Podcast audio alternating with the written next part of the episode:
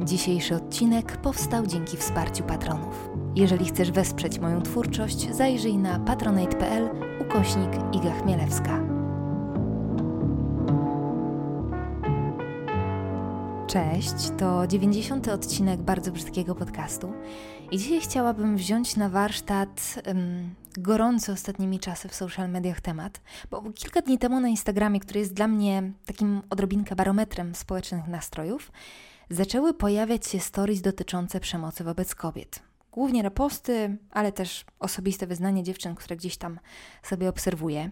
I złapałam się na tym, że przed chwilą użyłam określenia gorący temat, ale tak naprawdę to jest rzecz wcale nie nowa. Nawet tu w bardzo brzydkim podcaście ten temat się już pojawił w odcinku Moja wina, e, do którego odsyłam. E, ale wracając jak dostrzegłam taki nagły rozkwit akurat tego tematu, to zaczęłam się zastanawiać, dlaczego tak, skąd takie poruszenie, no bo zwykle istnieje jakiś punkt zapalny, prawda? No i w końcu dotarłam do informacji, że 3 marca w Londynie zaginęła 33-latka Sara Everard, której ciało odnaleziono 10 marca. Um, dziewczyna wracała po prostu do domu pieszo. I nie będę wchodzić w szczegóły śledztwa, sprawa się toczy. Jeżeli jesteście ciekawi szczegółów, to zapraszam oczywiście do samodzielnego researchu. Ale nie mogłam o tej sprawie nie wspomnieć, bo to właśnie ona rozpętała kolejną dyskusję na temat bezpieczeństwa kobiet. I tak jak wspominałam, temat wraca jak bumerang co jakiś czas. Również u mnie nagrałam słuchowisko o imprezie, na której, tu cudzysłów, sama się prosiłam krótką sukienką. E, temat wracał w moich stories nie raz i nie dwa, kiedy na przykład byłam zmuszona ruszyć w głąb osiedla do sklepu po zmroku. O bardzo brzydkich rysunkach już nawet nie wspomnę. On jest cały czas żywy, bo on jest w nas. I wiecie, wczoraj złapałam się na tym, e, na takim. Hmm, na takim mini przerażającym odkryciu, że o wielu różnych aspektach naszej rzeczywistości internet nam trochę przypomina, trochę rozszerza nasze pole widzenia, trochę naświetla niektóre obszary, a akurat tego, tego o czym dzisiaj będziemy rozmawiać, nie trzeba przypominać żadną miarą. To jest cały czas w nas. Jest bardzo, bardzo głęboko. Wczoraj na stories jednej z super zdolnych krakowskich tatuatorek Justyny Plec, e, do której zresztą wybieram się od 100 lat na pierwszy tatuaż i wybrać się nie mogę, pojawił się tekst, jej tekst o tym, jak obserwowała mężczyzn, którzy trenowali sobie późną porą w zamkniętym już parku. Po prostu przechodzili przez ogrodzenie, bo wiecie, fajna przestrzeń, wykorzystywali siłownię na świeżym powietrzu, biegali alejkami i Justyna napisała mądre zdanie, na swój sposób oczywiste, ale jedno z tych, że niby znasz, niby wiesz, niby zdajesz sobie sprawę, ale dopiero jak przeczytasz, usłyszysz, to masz takie, ej, rzeczywiście. Myśl dotyczyła tego, że żyjemy tak naprawdę w dwóch różnych światach, w dwóch różnych rzeczywistościach. Że ja czy ty w życiu nie zapuściłybyśmy się same do parku po zmroku pobiegać, do zamkniętego parku takiego, że wiecie, trzeba przeskoczyć przez płot, żeby sobie trochę pohasać. No nie, nie wiem, może trafi się jakaś odważna słuchaczka, ale ja bym tego nie zrobiła, nawet gdyby ktoś mi zapłacił. Dlaczego? No z bardzo prostego i smutnego zarazem powodu, bo ucieczka byłaby utrudniona. I ta wczorajsza lektura uruchomiła we mnie lawinę różnych przemyśleń, analizy moich własnych obserwacji. I dotarłam do smutnego odkryć, chcę, chcę powiedzieć odkrycie, ale to nie jest dobre słowo, bo ja sobie już wcześniej zdawałam z tego sprawę, tylko nie analizuje się tego na co dzień, że ten lęk jest w nas cały czas że jest w nas zakodowany. To wciskanie kluczy między palce podczas wieczornych powrotów u mnie jest odruchem. Ja wiem, że się w żaden sposób tak nie obronię, ale robię to. Ja nie spaceruję po zmroku, ja idę z punktu A do punktu B, bez muzyki na uszach, szybkim krokiem, zastanawiając się cały czas, co zrobię w razie W. I to jest cholernie uderzająca myśl, bo to stało się moim odruchem. Ja na co dzień nie analizuję źródła tego mechanizmu, ja po prostu już mam te zachowania zakodowane. Jestem jak, jak wiedziona jakimś, nie wiem, zwierzęcym instynktem, ale nie jest to instynkt drapieżnika, tylko zwierzęcia, które jest stworzone do ucieczki. Po prostu odruchowo wypatruje zagrożenia. I to rozchodzące się po ciele ciepło w momencie, kiedy słyszę albo widzę coś niepokojącego, jestem w stanie przywołać w pamięci w każdym momencie. Ja po prostu niesamowicie dobrze znam to uczucie. I w tym samym czasie, na tej samej planecie, mężczyźni, którzy wychodzą wieczorem, wychodzą wieczorem. Mój Marcin zakłada słuchawki i se idzie w ten mrok, bo ma ochotę się przejść. On nie zna, on kompletnie nie zna mojej rzeczywistości. On tego nie zna, czajcie? To zjawisko robi się bardzo dziwne i bardzo uderzające w momencie, kiedy mieszka się z kimś pod jednym dachem. Spędzacie prawie 24 na 7, to samo miejsce, ten sam czas, to samo środowisko, a kompletnie różne postrzeganie rzeczywistości, zupełnie różny poziom komfortu. I wiecie, cały czas, kiedy o tym w tym momencie mówię, to włącza mi się z tyłu głowy cenzor. Słyszę, Chmielewska nie przesadzaj, nie wyolbrzymiaj, ludzie uznają, że robisz z siebie ofiarę. Ale wiecie, kurde, raz nie posłucham tego cenzora, bo wiem, co czuję i wiem, co czują inne dziewczyny, z którymi rozmawiam. I dochodzimy w tym momencie do bardzo ważnego punktu, że, hmm, że najtrudniej przychodzi mi mówienie o źródle tego problemu. Widzicie, mówię do Was już od kilku minut, zarysowałam sytuację, zarysowałam emocje, ale nie powiedziałam, czego się boję, nie? Ciemności, długich dystansów, że się zgubię. Powiedzenie, że boję się mężczyzn, że to mężczyźni są źródłem mojego lęku, jest, jest masakrycznie trudne, prawda? Bo przecież nie można uogólniać. Nie wszyscy mężczyźni tacy są. Jest przecież cała masa fantastycznych gości, którzy w zasadzie zupełnie bezinteresownie rzuciliby się nam na pomoc. I ja, ja nie mam wątpliwości. Ja nie mam żadnych wątpliwości. Uwielbiam mężczyzn, naprawdę. Ale to nie zmienia faktu, że się ich boję, że moją pierwszą myślą, kiedy idę sama pustą, ciemną ulicą i widzę, że z naprzeciwka idzie mężczyzna, nie jest o mężczyzna, tylko o zagrożenie. Oczywiście w 98% przypadków po prostu się z gościem mijam.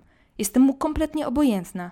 Ale do momentu, kiedy się z nim minę, to kalkuluję, czy aby na pewno będzie ok, czy, czy mam gdzie uciec, czy mogę się bronić, jak się bronić, czym się bronić. To jest w nas bardzo, bardzo, bardzo głęboko.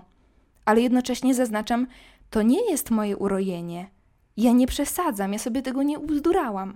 To jest realny strach. I on nie powstał bez przyczyny. To nie jest rzecz wyssana z palca. To jest cały czas we mnie. To się cały czas dzieje. Pierwszy przykład z brzegu. Dwa tygodnie temu coś mnie podkusiło, żeby wyjść na wieczorny spacer z Franią poza obręb osiedla, bo zwykle, kiedy jest bardzo późno, przychodzi moja kolej na spacer, to zostajemy sobie tutaj między blokami na trawniku. Było jakoś w okolicach północy. Byłam kompletnie sama na ulicy, wszystko już pozamykane, ubrana od stóp do głów jak ninja. Do kwestii ubioru jeszcze sobie dzisiaj wrócimy. Ale gdyby iść takim utartym, mm, błędnym swoją drogą e, myśleniem, to nie dawałam żadnego pretekstu. Nie prowokowałam absolutnie niczym. Na dobrą sprawę to, czy jestem kobietą, mogła sugerować moja chucherkowata sylwetka, nic więcej. I stoję na tym trawniku, czekam aż Franie zrobi co trzeba i nagle pustą ulicą bardzo powoli sunie samochód wyładowany pijanymi gośćmi, którzy drą się na mnie przez otwarte okno. Jestem pewna, że to do mnie, bo dookoła nie ma żywego ducha.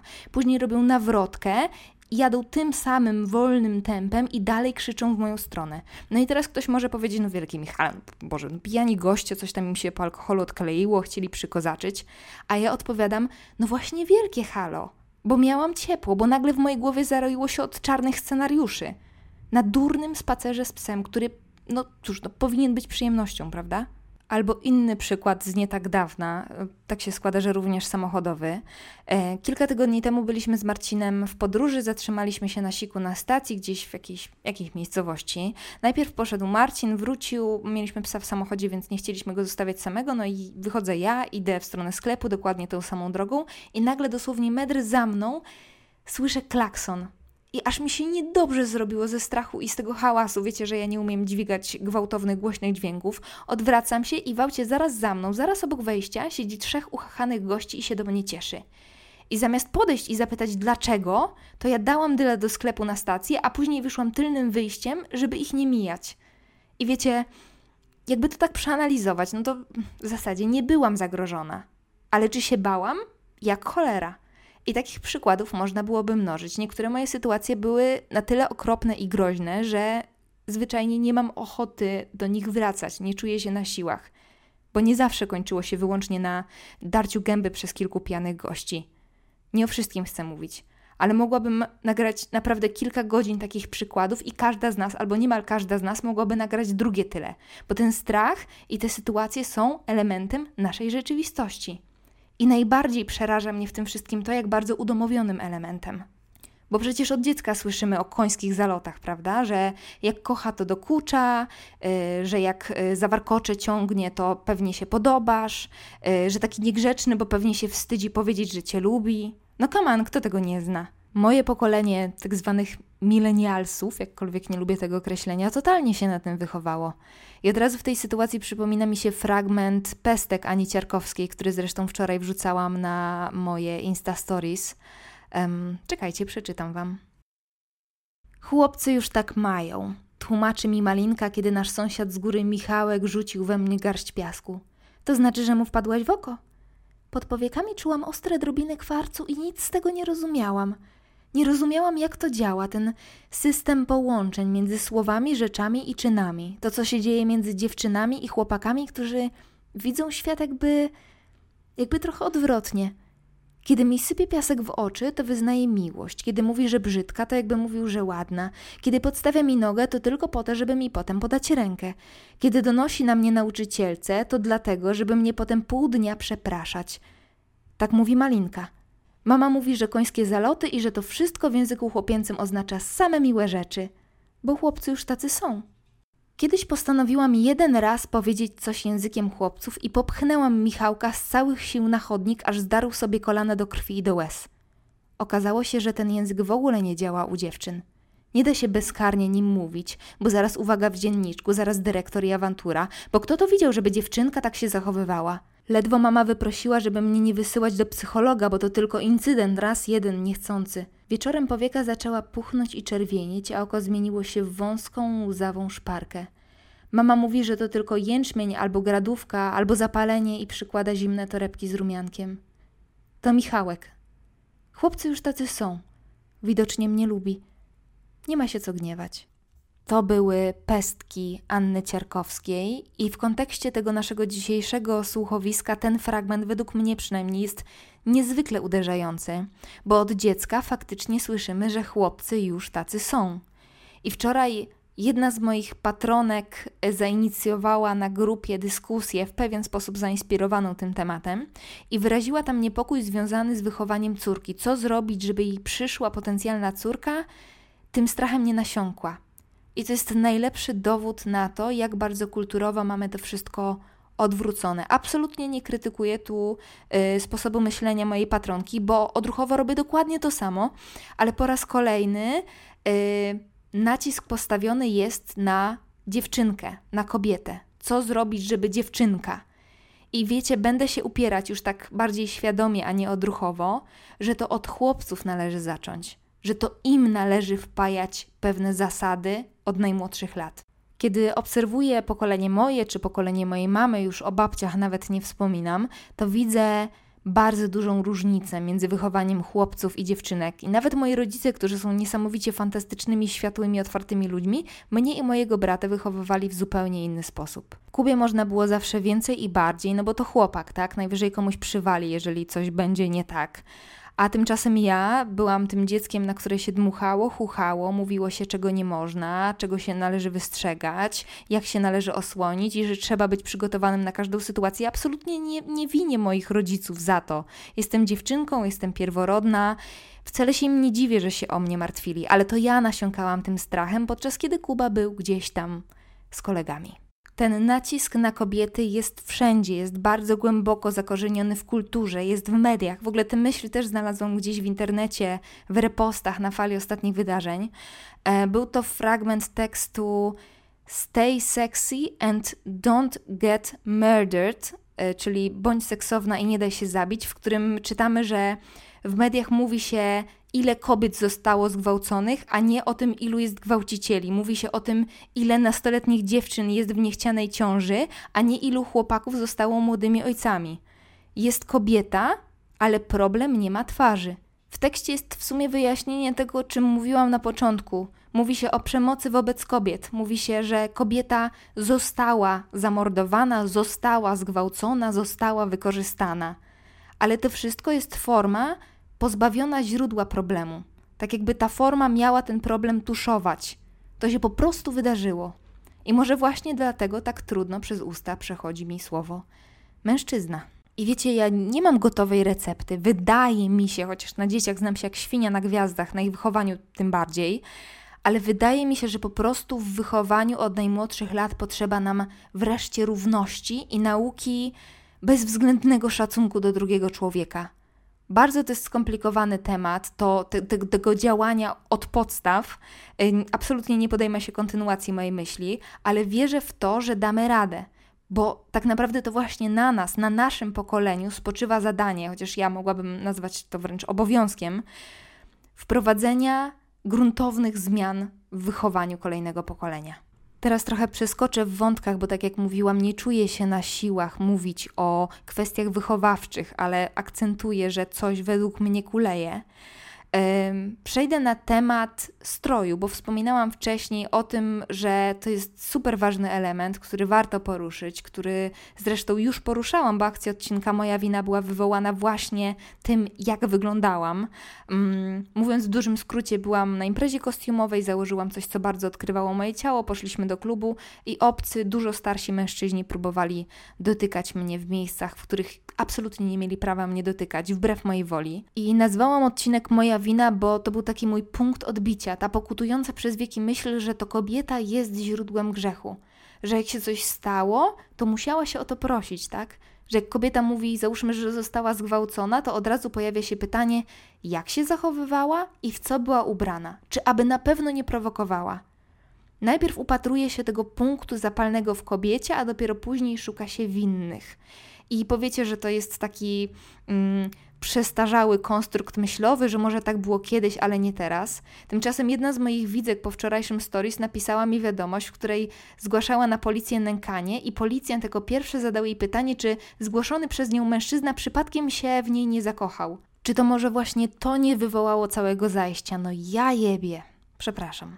Tu pojawia się kolejna rzecz, kolejny problem, kolejne błędne myślenie, w które wpadam. Kiedy się ubieram, to zastanawiam się, jak się ubrać, żeby nikogo nie sprowokować. Mam na przykład duży biust i w większości przypadków robię wszystko, żeby go zatuszować, y, bo tak naprawdę nawet obcisła rzecz z zakrytym dekoltem stała się w moim mniemaniu zbyt wyzywająca. W ogóle samo słowo wyzywający jest krzywdzące, nie? Bo jeżeli zakładam coś, co odkrywa moje ciało, to nie po to, żeby kogoś wyzywać, żeby kogoś zachęcać do czegokolwiek, tylko dlatego, że mi się podoba. Że podoba mi się moje ciało do cholery. Ale jednocześnie, stojąc przed szafą, kombinuję, szczególnie w lecie, co założyć, żeby nie usłyszeć rzeczy w stylu: A gdzie tak na tych długich nogach uciekasz? W ogóle konstrukcję, konstrukcji zdaniowej catcallingu, czyli przysłowiowego darcia ryja za kimś wbrew jego woli, to temu w ogóle można byłoby poświęcić oddzielny odcinek. Człowiek czuje się brudny, kiedy słyszy coś takiego. To jest żaden komplement, żaden. I naprawdę w głowę zachodzę, czy i kiedy na przykład panowie robotnicy, którzy lubią sobie gwizdać na mnie z rusztowania, zrozumieją, że to jest najsłabsza rzecz, jaką zrobili podczas całego dnia pracy. I znowu, wiecie, znowu ta czerwona lampka z tyłu głowy, którą staram się ignorować, że ktoś sobie teraz pomyśli, że robię z siebie ofiarę, że jestem przewrażliwiona, że przesadzam. Od małego słyszymy, że przesadzamy. Nie przesadzamy. To jest nasza rzeczywistość.